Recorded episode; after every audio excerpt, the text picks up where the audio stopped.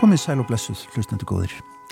Í dag er þrettandin sem markar formlega lok jólaháttíðarinnar og við sjáum með nokkuð öðru sneið en vanalega en því miður er það svo að nú annarskipti í rauð fer afhending menningar viðkenningar rúf fram á óheðbundin máta.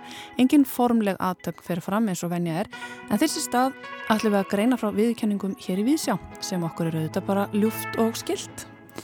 Við heyrum í þættinum hver hlítur viðurkenningu úr réttuvendasjóði Rúf, ræðum um þann stóra hóp sem að hlítur styrki úr tónskaldasjóði Ríkisútarsins og Stef á árinu. Heyrum af orði ársins bæði sem að hlustendur og áhöröndur Rúf völdu á vefnum og af orði ársins hjá stofnun Orna Magnússonar í Íslenskum fræðum. Undir lokþáttar verður svo rætt ídarlega við handhafa viðurkenningar úr Rítumundasjóði. Sem sagt veluna og viðurkenningadagur hjá okkur hér í Víðsjá í dag með Ívafi Íslenskrar tungu.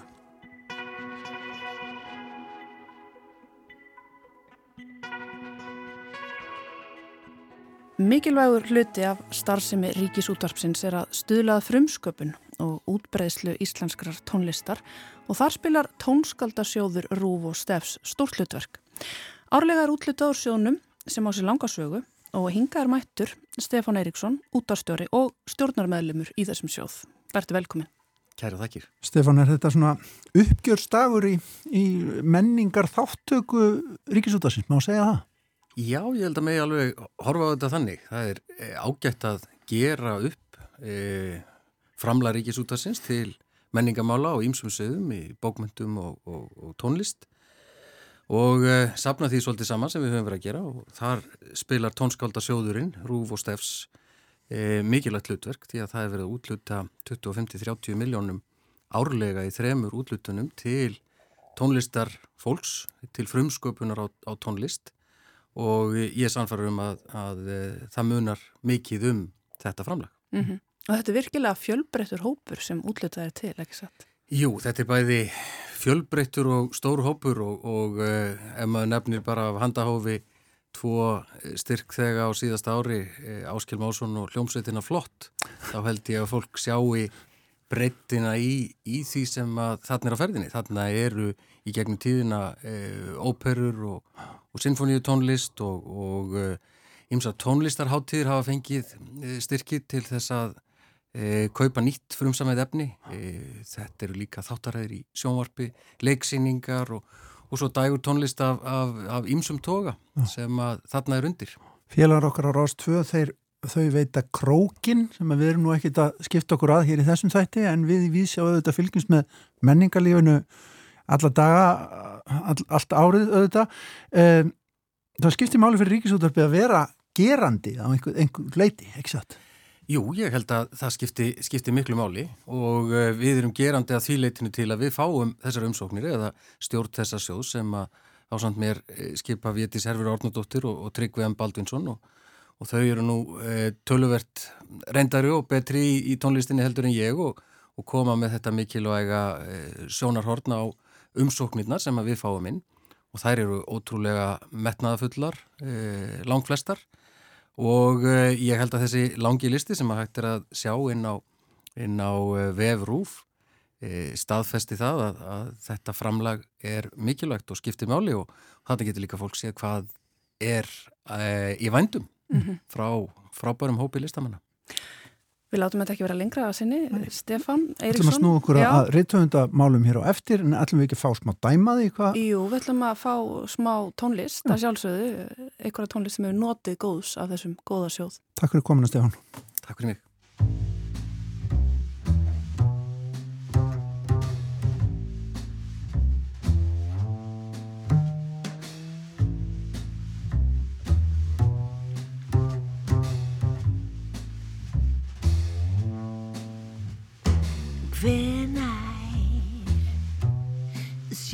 verði næst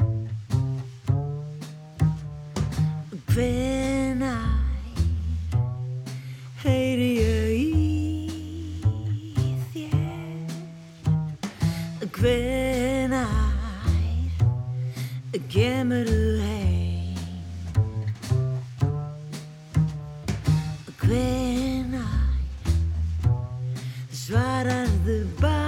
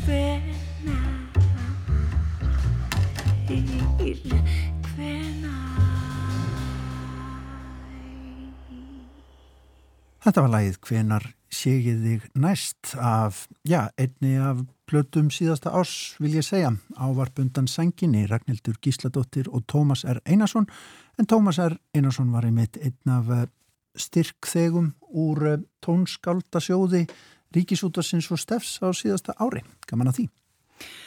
Já, og við höldum áfram með þessar viðurkenningar og viðhafnar viðsjá dagsins og nú tekum við ný skipaður menningamálar á þeirra, Lilja Alfredsdóttir. Góður áherendur, fyrir nokkrum árum mótaði ríkisútvarpið sér þá stefnu að auka við gerð Íslands sjónvarsefnis og engum leikins efnis. Við höfum séð að einnig aðra sjónvarstöðar hafa verið að leggja sífelt meiri metnað í framleiðslu á innlendu efni. Þessar áherslu breytingar má eflaust rekja til þeirrar miklu breytingar sem orðið hafa í dreifingu og aðgangi fólks að sjónvarsefni með tilkomu streymisveitana og þeirra staðræðendar að áhörundur hvar sem er í heiminum kjósa helst innlend efni á sínu tungumáli. Það má því eftir vil draga þá álygtun að auki frambóð á erlendu efni hafi beint eða óbeint orðið til þess að ebla íslenska sjónvas og kvikmyndagerð og þar með ebla menningarlíf okkar. Með nýri kvikmyndastefnu hefur einni verið lögð sérstök áhersla á að ebla framlegslu á innlendu efni. Það er gaman að fylgjast með því hver sterkar tilfinningar nýtt íslenskt efni í sjónvarpi veku meðal fólks og núna er það verbúðin sem allir ræða og hafa sterkar skoðan rá. Þetta minnir stundum á það tíma þegar að, það var aðeins ein sjónvarsrás og ein útásrás og allir höfðu séð eða heyrt sömu þættina. Þegar Ríkisútvarpið fagnaði 80 ára amali sínu árið 2010 kynnti það sig sem samkómu hús þjóðarinnar og það er vel við hæfi en það er líka staðista lista á menningastöfnum þjóðarinnar því hérðan er útvarpað og sjónvarpað listum og menningarefni nánast allan sólarhingin og þess vegna skiptir Ríkisútvarpið svo miklu máli fyrir íslenska listamenn. Og það á ekki síst við um rítumunda og tónlistamenn sem hér verða heiðraðir í dag. Góður áhörendur, í dag samfögnu við með þeim rítumundum, tónskáldum og tónlistamönnum sem njóta viðukenninga úr rítumundasjóði og tónskáldasjóði ríkisútvarfsins og stefs auk þeirra sem fá velun fyrir framúsgarandi lifandi tónlistaflutning á liðinu ári. Þeim öllum færi ég mínar bestu árnaður óskir. Þá verður spennandi að heyra val hlustenda á orði ársins en allt þetta stuðlar að því að ebla tungumálið okkar og listir á margvíslegan hátt. Takk fyrir og veriði sæl. Sagði nýr menningarmálar á þeirra, Lilja Alfredsdóttir. Og þá tekur máls Guðjón Ragnar Jónasson formaður stjórnar reytufundarsjóðs ríkisútarpsins og greinir frá viðurkenningar hafa þetta árið. Það er mjög sönn ánægja að tilkynna að handhafi viðurkenningar reytufundarsjóðs ríkisútarsins fyrir árið 2021 er barnabókahöfundur. Alkunna er að mikil gróska hefur í útgáfu barnabóka síðustu misseri og ár. Höfundar eru mjög margir og barnabókin flytur ungu fólki kröftu án bóðskap. Það er mér mikill heiður að kynna handhafa velununa þetta árið. Svo sem hlýtur velunin í ár er Kristín Helga Gunnarsdóttir. Hún hefur verið mikil virka á rítvellunum og útgefin skáldverkanar eru nú komin á fjórðatugin og hafa þau notið mikill að vinselda. Kunnust er Kristín þó fyrir barnabæku sínar Meðal þekktustu verka hennar má nefna bækurnar um fíu sól. Kristín Helga hefur hlotið fjölmörg velun fyrir verk sín, meðal annars í þrýgang fjöruvelunin, barnabókavelun Reykjavíkuborgar, en auk þess hefur hún verið tilnept til íslensku bókmentavelununa og bókmentavelununa Norðurlandaráðs. Einni má nefna að Kristín var um tíma formaður Rítufundarsambas Íslands. Kristín hefur kent rítlist bæði við Háskóla Íslands og Listaháskólan og var um tíma í kennarastöðu sem kend er við Jónas Hallgrímsson í rítlist við Íslensku og menningadeild Háskóla Íslands. Ég minnist þess að hafa lesið bæku Kristínar fyrir sonminn sem á með nefnundum mínum í grunnskóla. Við feðgar minnumst þess að hafa lesið í saminningu um reynistæðabræður og fjallaeyvind í einni af frægari bókum Kristínar á draugaslúð. Bókin hjælt okkur hugfönglum. Kristín leggur líka áherslu á að hún skrifi fjölskyldubókmentir, bækur sem fullornir og ungir lesi saman. Þannig styrkjum við sagnahefðina sem einkent hefur samfélöginum aldir. Mikilvægt sé því að læsa ekki framtíðarmanneskuna eina inni í barnaherbygginum. Samtal kynsluðana þarf að halda áfram. Baðstofumenningin sem tengdi kynstöðuna saman lífir stert í gegnum bókmyndirnar. Samskiptin í gegnum bókmyndirnar mega aldrei glatast. Ef lesturinn er hluti af daglugum samverustundum foreldra og barna nær korki mölur nýja rið að granta tengslum kynsluðana. Forsenda slíkra farsætla fjölskyldubanda er rík og sterk barnabókahefð. Um leið og ég óska Kristínu Helgu til hamingi með þessa viðkenningu vil ég að endingu þakka félugum mínum í stjórn Rittumundasjóðsins góða samfunnu, þeim Karli Ágústi Úlsinni, Andra Snæ Magnarsinni, Þorgerði E. Sigurðardóttur og Kristjáni Guðjónsinni. Til hamingu Kristín Helga. Og hingaðurum komin Kristín Helga Gunnarsdóttir, nýr viðkenningahafi Rittumundasjóðs Ríkisútasins. Kæru áherendur og elsku rúf, allt um vefjandi uppalandi í gegnum tíðina og tíðarandan. Ríkisútvarpið sem opnar sagna heima, leiðir okkur um töfrastíga tónlistar og segir sögur þjóðar. Ég á rúf svo mikið að þakka.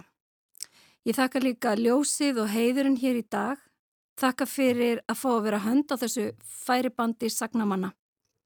Höfunda sem hafa margi hverjir haft djúbsta áhrif á mig og marga og breytt hugsun og skapað nýjar hugmyndir. Við stöndum all hlið við hlið við þetta færiband og flytjum sögurnar áfram. Eitt tekur við að öðrum, við kvíslum sumarsögur og köllum aðrar, við leikum þar og lesum, syngjum þar og kveðum, framleiðum og skreitum Við búum til nýjar sögur og færum í gamla búninga, sögur á öldum ljósvakans og sögur á blöðum og sögur í samskiptamiðlum. Við erum sjálf samskiptamiðlarar og við erum öll áhrifavaldar. Við hlustum, draugum álíktanir, komumst að niðurstöðu og miðlum, reynum að vekja hvert annað, skapa nýjar hugsanir og deila. Við erum gangandi dæmisögur um það sem var og það sem er og um það sem verður. og þessi árætta til að segja sögur og hlusta á sögur. Allt snýst þetta fyrst og síðast um að setja okkur í spór hvers annars.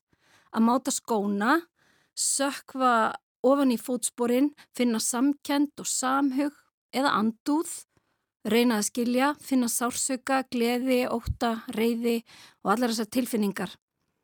Vega svo með þetta aðstæður annara og um leið sitt eigið sjálf.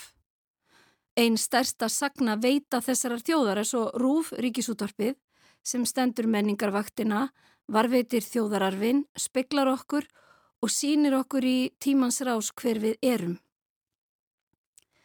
Dæin sem við glötum sögunum og hættum að setja okkur í spórin þá missir mennskan merkinguna eða verður ómennsk. Eða við þurfum að finna annað orða því að mennska er ekki lengur til.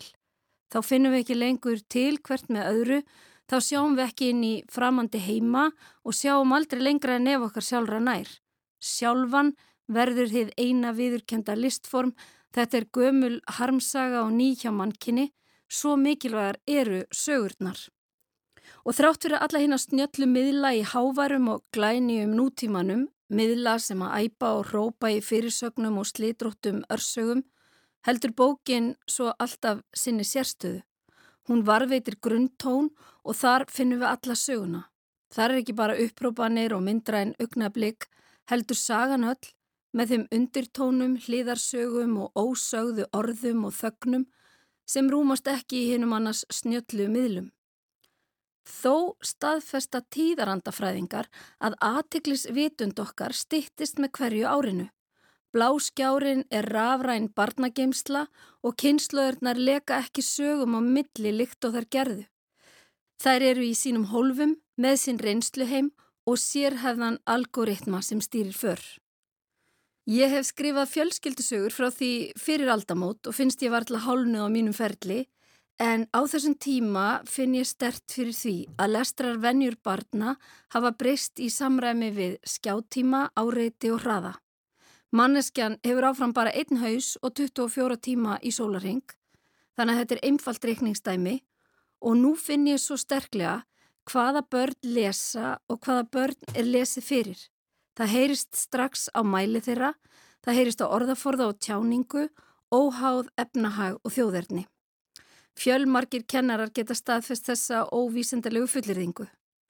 Og ekkert kemur í staðin fyrir samveruna í kringum sögu. Að deila saman sögum, velta fyrir sér atbyrðum og orðum, ræða og takast áum, þannig þróskast málvitund barns og þær stundir eru á ábyrð fullorðina en ekki barna. Þær eru ábyrð heimila fremur en kennslustofnana, að lesa fyrir barn og með barni. Og sögurna má aldrei flokka, þannig gröfum við gljúfrin á milli kynsluða. Við eigum að deila þeim saman því þær eru brýr á milli fólks á öllum aldri, í öllum löndum og við allar aðstæður. Þannig er engin saga þess eðlis að ekki megi segja hana hverjum sem er. Aðeins leiðin skiptir máli og hún er alltaf í höndum sögumannsins. Það er svo töfrastund þegar við stöndum í annar spórum í sögunum. Þá verður til vísinni þegar heimurinn stækkar. Vísinin leiðir af sér umbröðalindi þegar við skiljum meira og umbröðalindi leiðir af sér kærleika fyrir því sem lifir og andan dregur. Þannig virka sögurnar. Og af því að ég hef þennan glukka hér og nú þá vil ég tala um fjöreikið og okkar einu menningar sérstöðu í samfélagi þjóða, tungumálið. Í Noregi hafa sérfróðir skilgreynd norskuna sem örtungu í útrýmingarhættu. Hvernig er skilgreynu við þá íslenskuna? Mögulega sem sérviskulegan kæk sem má venja sig af eða tímabil sem gengur yfir. Líklega erum við hætt að kannast við íslensku sem við ástkjara og eilhýra að minnstakosti þeir sem yngri eru. Til eru þeir sem hafa engar áhyggjur af íslenskunni og segja hún minni alltaf bjarga sér sjálf og finna sér farveg. En smá spræna hættir að vera til þegar hún saminast stórfljótinu. Það er náttúrulegumál. Það þarf meðvitað ákverðun til þess að eiga íslensku áfram og mætti hæglega gera um hana verndaráallun og vakta eins og arnarhreiður á breyðafyrði. Í markaðstripnu samfélagi sem skilur oft betur tungumál markaðarins en menningarinnar eru mikil markastækifæri í íslensku sem við hunsum og nýtum ekki, heldur grípum ennskuna og gerum að ásjónu okkar í hjákáttlegri tilraun til að virka alþjóðleg. Um leið heimsækjum við aðrar þjóðir og erum forvitin um mál þeirra og menningu, njótum þess að hlusta á hljómfall, framandi tungumála og reynum að grípa galdurinn og tilenga okkur. Og við mættum líta okkur nær og sjá öll þau tækifæri sem búa í okkar mögnuðu og sérkennilegu íslensku. Flagga henni í stað þess að fela. Það þarf þorp til að ala upp barn og við ölum hvert annað upp hér í okkar lilla þorpi á hjaranum og rúf er félagsheimilið í eigu okkar allra. Hvort sem er á gleði eða ögur stundu. Við þurfum að styrkja þessa félagsmiðstöð og gæta hennar inn í framtíðina. Takk rúf fyrir uppeldið, fyrir menninguna og fyrir ljósið á sögurnar. Kæra þakkir. Saði Kristín Helga Gunnarsdóttir, reythöfundur og nýbakaður viðkenningar hafi reythöfundasjóðs rúf. En þá hugum við að orðum hér í Vísjá. Anna Sigrir Þráinsdóttir, málfarsraðanötur hér á Ríkisútvarpinu. Vertu velkomin í Vísjá, eða kannski bara þessa sérstöku viðhafna Vísjá, þar sem að nú er komið að því að heyra hvert orð ársins 2021 er vertu velkomin. Takk að þið fyrir. Við ætlum ekki einungis að fá að heyra hvaða orð var hlutskarpast í kostningu Ríkisútvarpsins, heldur ætlum við einning að heyra hvert orð ársins er þetta árið að mati árnastofnunar. Áður en að þú ofinberðir þetta hérna, vilt þá ekki segja okkur örstut frá svona praktískri hlið mála. Hvernig eru þessu orðvalin? Já, við notum í rauninni ólíkar aðferðir, Rúf og Árnastofnun til að velja orð ársins. Hér hjá Rúf hefum við farið það leið að kalla eftir tillögum uh, hlustenda okkar og lesenda vefsins uh, um hvaða þau orð sem þeim þykir vera mest einkennandi fyrir árið sem er að líða. Við gerum þetta í yfirleitt í byrjun desember uh, og þegar það hefur verið, þær, þeim tillögum hefur verið sapnað, þá, þá er hér þryggjamanna valnend sem velur orðin sem fara á listan sem uh, þjóðin fær svo tækifæri til þess að greiða atkvæði sitt og velja orðin sem sem eh, orðið sem þeim þykir standa upp úr. Mm -hmm. Það er sérst almenningur sem að velur hér. Já, en, en svo er það önnur leiðið það ekki átnastofnun Jú, átnastofnun notar vísindarlega nálgun á þetta og fer í gagnasöfnin sín. Þeir nota uh, íslenska risamálheild sem að það sem er sapnað saman ógrinnum öllum af textum yf, sem stöðugt bætist í og, og þau fara í textana sem sapnað hefur verið yfir árin, árið og velja þau orð sem sem eh, þeim þykja þar, eða draga þar þau fram þau orð sem þeim þykja standa upp úr það eru yfirleitt ný orð eða orð sem hafa fengið nýja merkingu eða orð sem hafa verið mjög áberandi í umræðinu sem eru auðvitað svipun álgunum viðnótum en, en þau fara aðra leið sem að, sem að þau draga fram og velja yfirleitt það eru kannski yfirleitt svona um það byrjum tíu orð sem koma til greina mm -hmm. en þessi orð þurfa að uppfylla fleira en að vera bara uh, bara ný eða bara algeng þau þurfa að uh, segja okkur eitthvað og kenna okkur eitthvað nýtt Akkurat. Þetta er svona leið til að gera upp árið með hjálp tungumálsins og kannski líka um leið spegla okkur í tungumálinu.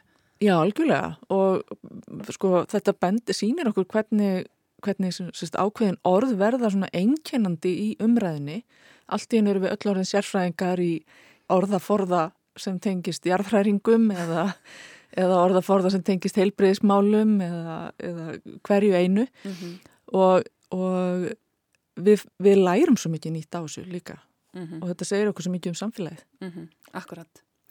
Við skulum bara vinda okkur í þetta. Ef ekki að byrja orðnárstofnun, Anna Sýrjur, viltu hér með tilkynna hvert orð orðnárstofnunar er árið 2021? Já, orð stofnunar Átna Magnússonar í Íslensku fræðum árið 2021 er bólusetning. Já. Bólusetning er alls ekki nýtt orð eins og við vitum, en það hafa bólusetninga týðkast í um 200 ár og orðið er jafn gamalt. Mm -hmm. Þannig að, að þetta er ekki nýjirði en komst í gífurlega mikla nótkun og, og var nota gífurlega mikið á, á liðinu ári. Mm -hmm. Við hefum kannski sjaldan rætt jafn mikið um bólusetningar eins og á liðinu ári. Nei, við erum öllur sérfræðingar í bólaefnum eins og, eins og sérfræðingar átnastofnunum benda á. Þekkjum við öll með heitum og, og enginum okkur með þeim og svo framviðis. Mm -hmm. Vitum öll hvaða bólaefni við fengum og náunginn og svo framviðis. Og það er skemmtilegt að segja frá því að, að þetta orð tengist stóru bólu sem var bólusett upphaflega við. Já, gaman að þessu. En þá er komið að orði ársins að mati almennings og ég held að við ættum að byrja á vegna þess að það er þrjúsæti. Ég held að við ættum að byrja á þriðasæti og færa okkur svo upp. Já, það er gaman að segja fyrir því að það var mjög mjótt á mununum. Það, það munið ekki miklu á þessum þreymur orðum í eftir sætinu. Þau voru öll, öll með álíka mörg atkvæði.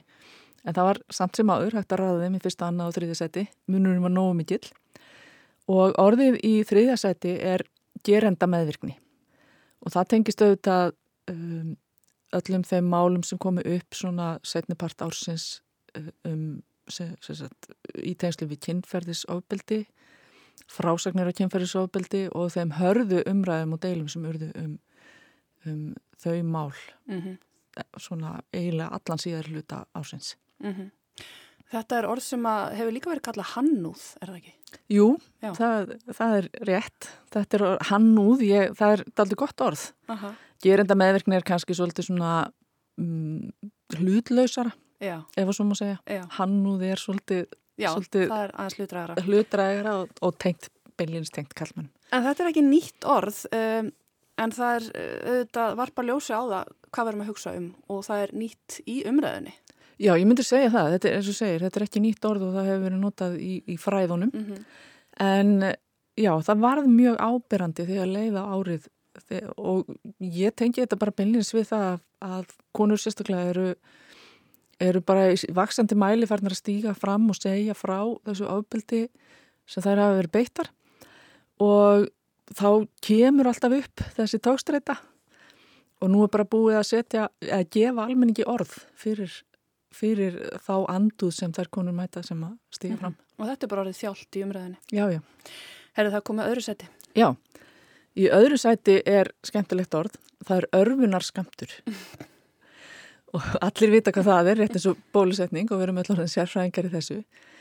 Og uh, þetta er ekki heldur nýtt orð því að þetta er íðorð úr heilbreyðisfræðum og faraldursfræðanum og uh, þetta er, hvað skal segja, þetta er Það kom stert inn á árunu. það kom stert inn árinu og ég verð nú bara að þakka sóttvarnar lækni fyrir það. Já, Hann, seg, hann hérna, bjóða ekki til en hann byrjaði strax að nota það já, og það kom í veg fyrir að orð eins og búster og, og eitthvað þess að það festist í umræðinni um emmi. þessa þriðju sprautu, Já, bólusetningu. fengum þetta íslenska góða orð. Já, og það er ekkit sérstaklega þjált, það er, ekki, það er langt og svolítið flókið og svona. Við notum það En því, já, þetta er nefnilega skemmtilegt orð og það er svona, það er fín hrinjandi í því. emmitt. Og það voru fleiri orð sem að rötu á þennan lista tók ég eftir sem að tengjast líka þessu úrvinnslu sótkví, bólusetningur, öfund og hraðpráf. Þetta eru auðvitað fullt af orðum sem hefur verið að nota árinu sem að tengjast þessu. Já, einmitt. Og það var á lista átnastofnunar voru líka fleiri orð sem tengjast faraldrinum. Já, herði það er komið að orði ársins að mati almennings sangvænt kostningu hér á Ríkisútarpinu. Já, orð ársins 2021 er óróa púls. Það er nefnilega það. Óróa púls tengist uh, jarðhræringunum á Reykjaneskaga mjög sterkum böndum sem byrjuðu í mars á síðast ári, eða byrjuðu nú kannski aðeins fyrir en voru mjög ábyrjandi í mars og óróa púls er, er það kallað þegar að jarðskjáltar í jarðskjáltarhinu verða svo tíðir að það er eiginlega valla hægt að greina á millið þeirra og það stendur oft í, í, yfir ákveðin stuttan tíma, kannski klukkutíma eða einn hálfan eða eitthvað þess að þar og þetta er þekkt íðorði í jarðvísindum en er allt í hennu orðið að almenningseign eins og svo mörg önnur íðorð var orðið á, á þessum síðustu tveimur árum. Ég held að fáir utan vísindana hafi þekkt þetta orð áður en að góðsu hófst. Nei og ég man mjög vel eftir því að þetta orð fór að heyrast fyrst í munni jarðvísindamanna í fjölmiðlum þá hváði fólk og ég var mikið spurð hvað er þetta óróapúls og ég vissi það svo sem ekkert frekar en aðrir en, en þurfti auðvitað að fara að kynna mér það og e, þetta, en svo vita einhvern veginn allir nokkurn veginn hvað þetta þýðir núna þó að við Mhm. höfum kannski ekki skilgreiningun alveg hreinu en orðið er bara svo skemmtilegt. Mjög skemmtilegt. Og þó þetta sé yfir vísindaheiti þá veginn, þetta gæti alveg nýst okkur líka í daglegu tali. Ég sé fyrir mér að þú veist þegar kvikan er farin að sapnast innra með okkur og við erum alveg að springa að þá séum við kannski merki, svona utanlíkjandi merki líka mannum um óráðapúls. Já, við getum stólið þessu frá Já. jarfræðingunum og, það og bara að nota þetta um eigin líðan og fleira, Já, já. fleira þess að þar. Mm Þetta er skemmtilegt, en það er magna hvað, já, við sjáum hérna hvað auðvitað lýsir, lýsa öll þessu orð árinu vel, en líka kannski bara hvað þetta var skrítið ár, við erum hérna með heimsfaraldur, við erum með gós, við erum með, eh, já, byltingu, já, lofslagsbreytingar og byltingu, hvað var þar bara umræðum ofbildi. Já, algjörlega. og það, það voru, það komu í rauninni tillögur um uh, all, öll þess, alla þessu stóru málaflokka, ég meina það var hérna það var hérna, uh, voru lofslagsráðstefnan var haldinn og það kom orð sem tengtust því og, Mm -hmm. og svo framvegis og svo framvegis og, og fólk, en það er nú kannski samt svolítið þannig að það er líka við höfum, það skamtíma minnið er svolítið ríkt í okkur og við, við, við hugsaum ofta ekkit nema kannski 1-2 mánuði aftur í tíman og munum ekkit endilega mikið hvað gerðist á árinu Nei. en þegar við fyrir að fara að draga fram orðin sem eru einkennandi fyrir árið þá, þá er það svona ágætt leið til þess að horfa tilbaka og fara aðeins yfir sviðið og sjá hvað stóð upp úr á árinu Svo sannarlega, í þriða sæti gerenda meðverkni, í öðru sæti örfinaskamtur og orð ársins er óróa púls. Þá veitum við það hlustundu góðir. Takk innlega fyrir að koma og deila þessu með okkur. Anna Sýrið Þráinsdóttir, Málfarsraðandur hér á Ríkisúttarpinu. Takk fyrir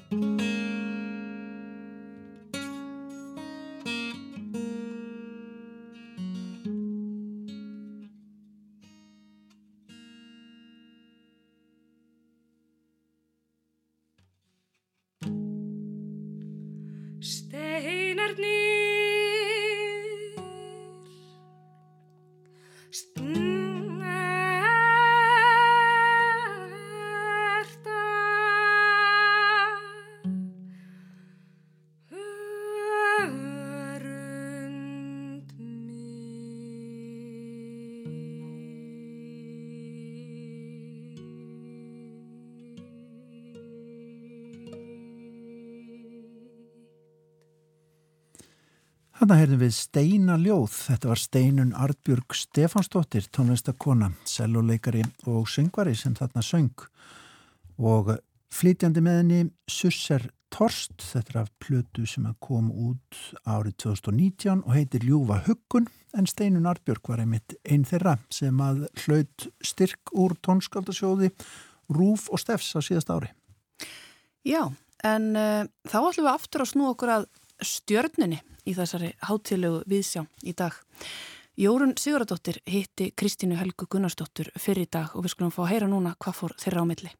Kristín Helga Gunnarsdóttir, hjartanlega til hamingju með viðurkenningu reytöfundarsjóðs Ríkisútvarsins.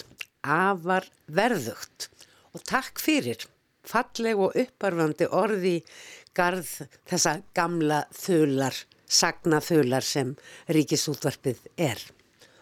En það er sannlega líka við hæfi að Ríkisútvarpið þakki þér, Kristín Helga, Þegar ég sló nafniðin inn í svo kallega gullkistu, hljóðritasafn útfarsins, þá kom í ljós að þú er oft lesið úr verkum þínum eða þau verið lesin af öðrum, en ósjaldan líka verið kölluð til samtals í sjónvarpi og útvarpi bæðar ás 1 og rás 2 og umfjöldunarefnin vissulega oft verið bækurnaðínar sem hafa byrst núna jæmt og þétt í aldar fjórðung og orðnar 25 að tölu en þú líka mælt til að tala um fréttir vikunar, samhengja einstakra frétta, náttúruvendarmál og síðast en ekki síst. íslenska tungu en framtíð hennar kvílir ju þungt á þér eins og við heyrðum hér á þann. Hefur þér alltaf þótt sjálfsagt að mæta hér í útvarshúsið þegar eftir því hefur verið leitar? Og hvað finnst þér skemmtilegast að tala um? Við þau fyrst allir að segja bara Jórun takk og takk og meira takk og hérna e, hefur mér alltaf fundist skemmtilegt að mæta í útvarpi, já. Ég, mér finnst ég alltaf að vera heima og að því já nú fórt í fjölmiðlum þá sem að voru henni svoköllu frjálsu fjölmiðlar eða sjálfstæðu þá fannst mér alltaf og finnst ennþá voða skrítið að ég var aldrei unni á rúf því að þar slæri mitt hjarta. Og við erum jú meira og minna og sérilegi fólk á, sem er komið á minnaldur og okkar e, við erum alin upp af þessari stofnun. Og ég finn svo mikið til þess eh, bara þegar ég eldist, ég finn það svo mikið hvað útvarpi hefur gefið mér bæði í upplýsingu og orðfæri og, og að opna heiminn. Eins og ég sagði á þann bara á augurstundu og gleðistundum. Og hvað finnst mér mest gaman að tala um? Já, ég hef náttúrulega komið bísna oft hérna að tala um alls konar hluti. Að ég hérna mér likur uh, yfirleitt eitthvað á hjarta. Mér finnst gaman að eða mikilvægt að tala um náttúruvend og mikilvægt að tala um umhverfsmál og börn mér finnst bara mikilvægt að tala um framtíðina mm. Ég held að nútíðin þurfu alltaf að vera að tala um framtíðina. Akkurat, alltaf að láta sér dreyma. Já, og láta sér draumana rætast. Mm. En tölum aðeins um fortíðina og um íslenska tungu. Það er mjög langt síðan að þú fóst að pæla í stöðu íslenskra tungu. Og jáfnvel áður heldur en það var svona almennt umræðu efni það má minnstakosti fara aftur til ásins 2012 þegar að þið tókuðu ykkur saman nokkri rittöfundar og fóruð að ræða þessi mál, eh, bóklestur og stöðu íslenskra tungu og blésu síðan byggu síðan bara til ráðstefni í Norrannahúsinu 1, 2 og 10. Já, við gerum það.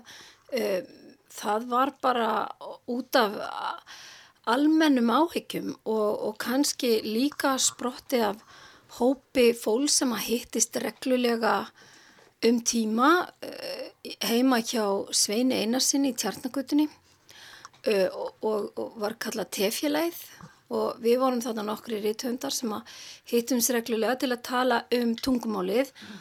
og hvernig uh, hægt væri að bara auka veg þessu virðingu þannig að það ætti framtíð mm. og, og þetta alltaf ríkisútvarpi það sem að, að kemur fyrst upp í huganum því þar er okkar miðstöð og miðlun allra landsmanna. Og það var líka lesturinn, ég man ekki hvort það var þessir ástefna eða eitthvað annað þing sem að bara yfirskriftin er lestur í ólestri. Já, bóka þjóð í ólestri af því að við hefum alltaf státað því að vera bóka þjóð og við þurfum svolítið að fara að geta þann titil ofan í okkur. Við getum ekki sagt það af jafn miklu stolti og við gerðum bara fyrir ekkert svo lungu síðan út af svo mörgu en bókaþjóði ólestri var ekki síst út af fyrstu uh, upplýsingum sem bárust eftir rannsóknir á læsi barna og, og hversu mikið því að raka og Og, og þarna er grunnurinn mm. og alveg að öllum bókmentagreinum ólöstuðum þá er bóklöstur barna og þá bókmentir fyrir börn er alveg ofbóslega mikilvægt og, og, og umræða umfjöllun og bara stöðugt áreiti á krakka. Og þú hefur alltaf lagt áherslu á það í tengstum við þínar bækur. Eh, maður gæti eh, flokka þessar 25 bækur og 25 árum niður í barnabækur, úlingabækur, fullorðinsbækur, uh, bækur um náttúruvernd og svo framvegs og svo framvegs. En þú hefur alltaf lagt áherslu á þetta hugtak fjölskyldubóki. Já, og út af svo mörgu. Bæði út af því að, að mér finnst óþálandi að það er svona einhvers konar markaðskerfi sem hefur rauðst inn í þessa listgrein uh, riðlistina og krefur okkur um það þar, þar verslanir og, og söluælar sem krefju okkur um aldurstakmörk á bókum. Ég þarf að segja að mín bók sé fyrir káta, krakka, vísu ekki drengju stúlkur lengur, þakka skildi á aldrinum eitthvað. En, ef ég skrifa fyrir fullorðna þá þarf ég ekki að gera það. Sem þyrti kannski að gera kátir kallar á aldrinum 45 til 65 eða eitthvað. En þetta eru takmörk og, og við erum að byggja brýr og reysa veggi uh, og hérna hefta listgrein. Um leiðu þú flytur yfir í aðra listgreinar þá er enginn sem krefur myndlistamann eða kvikmynd að gera mann eða nokkurt mann um að einhvern veginn eh, aldursgreina alveg niður í líku við mánuði. Hvað barnið á að vera gamalt til að geta notið listarinnar. Þannig að þegar við erum alast upp þá lásum við og það var ítt og taka okkur bókum og bókmyndum og sögum og það sem við lásum hérna áður fyrr. Og það er ekkert svo langt síðan. Einhverjir áratýr síðan að maður uh, var lítill og var að lesa næstum hvað sem er og á þeim tímum þar sem var ekki þetta áreiti annað þá voru þessar bækur rættar og þessar sögur. Og það stikkilsberja finnur og Robinson Crusoe og ekki allt í litli. Allt þetta sem okkar fóreldra lás Jáfnveil sálmurinn um blómum, tiltölulega snemma. Algjörlega, já. Og, og við rættum það og, og orðaforðin sem kom af sálminum hugsaði þér enginn krafði neitt um aldur á þær bækur. Þannig að þetta eru markasöflin sem að, að mér finnst alltaf þurfa að hemja aðeins. Eins og áður sagði 25 bækur fyrir unga sem eldri bækur um uppáfindingasam og fjöruga krakka, stráka og stelpur bækur sem að byggja jafnvel á sjálfriðir, fyrstu bækurna gerðu það jú, þú ert köllu dinna og skrifaði bækur um hana binnu og fólkið í kringum þig, fjölskylda þín og börnur þér inblástur sem og áður nefnd áhugamál, umhverfismálin, fjall, fjöllin og tungumálið. Hvernig er það í öllum þessum skriftum og, og þú hefur verið svo ötul og aldrei tekið þér hlið í rauninni? Er það það sem þú vilt taka til umfjöllunar eða eitthvað tema sem fyrst og fremst kveikir hugmyndina að nýri bók eða er það persónu sem að leta á þig? Bæði. Ég, til dæmis, ég man eftir því ég skrifaði Elsku besta binna mín fyrstu bókina mín að, að meðan ég er að skrifa þær tvær bækur þá er karakter að hlaupa bara einn og sér og sjálfur yfir liklaborðið mitt endalust og öskra á sína einn sögur sem varð mói rekkisvín. Mm. Þannig að karakterarnir verða líka til og þeir eru með alls konar erindi og, en kannski þetta er voða misjáft yfirleitt er mér mjög mikið niðri fyrir uh, en mér má ekki vera of mikið niðri fyrir heldur. Þú er einhvern tíman sagt að uh, þegar þú hafið einhvern tíman litið tilbaka þá hafið fundist fyrstu bækurna þinn að vera kannski fullmiklar boðskapsbækur eða handbækur í lífsleikni og þú hefur skrifað um mjög mörg mikilvæg mál sem að síðar urðu kannski miklu uh, að segja má brítni samanber hérna uh, tækjalösa daginn hjá, eða var það vika hjá Fíu Sól og þá voru nú ekki eins og konni snjálfsímar það var bara ristavélin eða bröðristin öllu heldur og bílin og svo framvegis. Já, tækjalösi dagurinn. Sko ég verð nú bara viðkjöna það fyrir að sól byggir afar mikið á heimilislífinu í einilundi, átta grænilundur í Grassabæ. En hérna, tækjalösi dagurinn, hann, hann var nú haldinn hérna. Þannig að það, það var innblásið af, af sönnum atbyrðum. En ég held eins vegar að, að, að bóðskapur í bókum almennt, hvort sem þú ert að tala um barnabækur eða fullansbækur eða fyrir hvernig við merkjum þær. Ég held bara að höfundur verði alltaf að eiga erindi. Alveg sama fyrir hvernig hann er að skrifa við hvernig hann er að tala að, að, að þessar blaðsíður sem að maður ætlar að spandera mm. í sögu þær verða að eiga erindi og ég kannski er það blaðamæðurinn í mér að því það er náttúrulega kannski minn grunnur, ég kem ekki úr bókmyndafræði, ég kem úr fjölmilafræði að, að ég held, ég spyr mig alltaf, bæði því ég sest niður og les bók, þá byrja ég að spyrja mig og er kannski stundum mjög gaggrinnin af hverju er verið að segja mér þessa sögu. Og ef ég uppgötva það fljótlega eða viðkomandi nær tökum á mér að einhverjum ástæðum, þá er gaman og þá æði ég áfram. Og eins er því ég skrifa, ég spyr mig af hverju er ég að segja þessa sögu. Ég er ekki einn af þessum höfundum sem sest bara niður á hverju mótni og skrifa bara eins og að fara út að hlaupa. Ég verða að vita af hverju ég er að leggja af stað í leiðangurinn og ég hugsa það mjög lengi. Mm. En hérna, ég held að maður þurfa alltaf að hafa rött og, og ég er ekki að segja að þurfa að vera einhver rosalegu bóðskapur. Bóðskapurinn getur bara verið að skemmta sem er til dæmis eins og fíasól, það er í henni vist sjálfstæði jú, og það er í henni pepp og hún, hún hérna styrkir en, en bara líka gaman. En, Og hún hefur fylltir.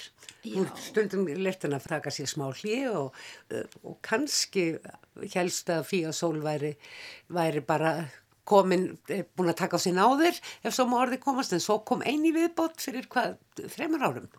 ég kom í fyrra Já, í bundnum máli. Alveg rétt. um fæðingu fíusólar sjá en hérna, svo kom önnur jú fyrir þreymur árum Já. Hún eldir mig og svo ég pínlítið farin að elda hana því að hún er bara alltaf á leiðin í sjómarp það er bara á áallin og, og svo er, er hún líka Þú er spennt hvernig henni gengur? Já, ég, ég er svona rétt næg að hlaupa á eftir henni. Hún æðir til Rústlands og Ísrael og Norex og út um allt. Þannig að- að það er bara svona skemmtilegt æfintýri sem að mallar áfram. Ég er löngu búin að gera mig grein fyrir því ég yfirgif hana ekkert. Ég þarf að elda hana.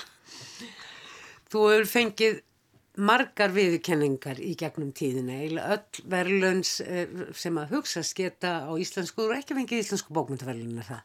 Nei, nei. Það er eftir. já, já ég, þessi verðlun eru náttúrulega, uh, sko, Fjöru verðlunin, vestnorrænu verðlunin, bókmyndaverðlun barnanna sem að börn, þar sem börnin sjálf velja bækur, fyrstu, varstu bara áskrifandi að þeim tíma? já, já, já, já, já. Þetta er voða gaman og hefur auðvitað gildi og eiginlega er þetta alltaf áminning um að maður eigi lesendur, maður eigi erindi og maður sé rött og maður eigi að halda áfram. Mér finnst þessar viðkenningar vera þannig að því að, að sjálfsögðu um leið eru alltaf að koma út stórkosli verk með manni, við hliðin á manni, kollegarnir að gera alveg frábæra hluti þannig að vissuleiti verðum við alltaf að gera okkur grein fyrir því að þetta eru samkvæmisleikir líka. Já, og hvað er að því? Dás, þetta er dásanlegt og sérstaklega í skamdeginu og að bara örfa hvert annað til skrifta og skiptast á sögum og tala um sögur og þetta er ekki síst það þessi verðlun og allir þessar viðurkenningar sem við veitum fyrir sögur þær eru til þess gerðar að vekja aðtikli á þeim og, og mikilvægi þess að skiptast á sögum og, og sem slík er all, allt þetta verðlun umhverju alveg ótrúlega mikilvægt. Sögurna skipta öllu. Ertu komið plan fyrir næstu? Ótemjurnar komu út, núna það var ný persóna, er það ekki? Hún lukka, uh, úlingur og döðin kemur þar líka við, við sögu og Benny Dorm sem að þar áttu, áttu nú líka fortíð, ekki satt? Eða á einhverju svipuðu? Já, ég, já, ég fór til á Íbísa, ég var Bara Íbísa? Íbísa, já, já, já, já, á alveg alræmdum tímum á diskoöldinni. En eins og ég segi, hvað, uh, hvað er í vændum? Ertu fann að hugsa eitthvað fyrir eh, nýju ári eða er Já, já, já. COVID að drepa allt í dróma? Nei, nei, nei, nei, nei.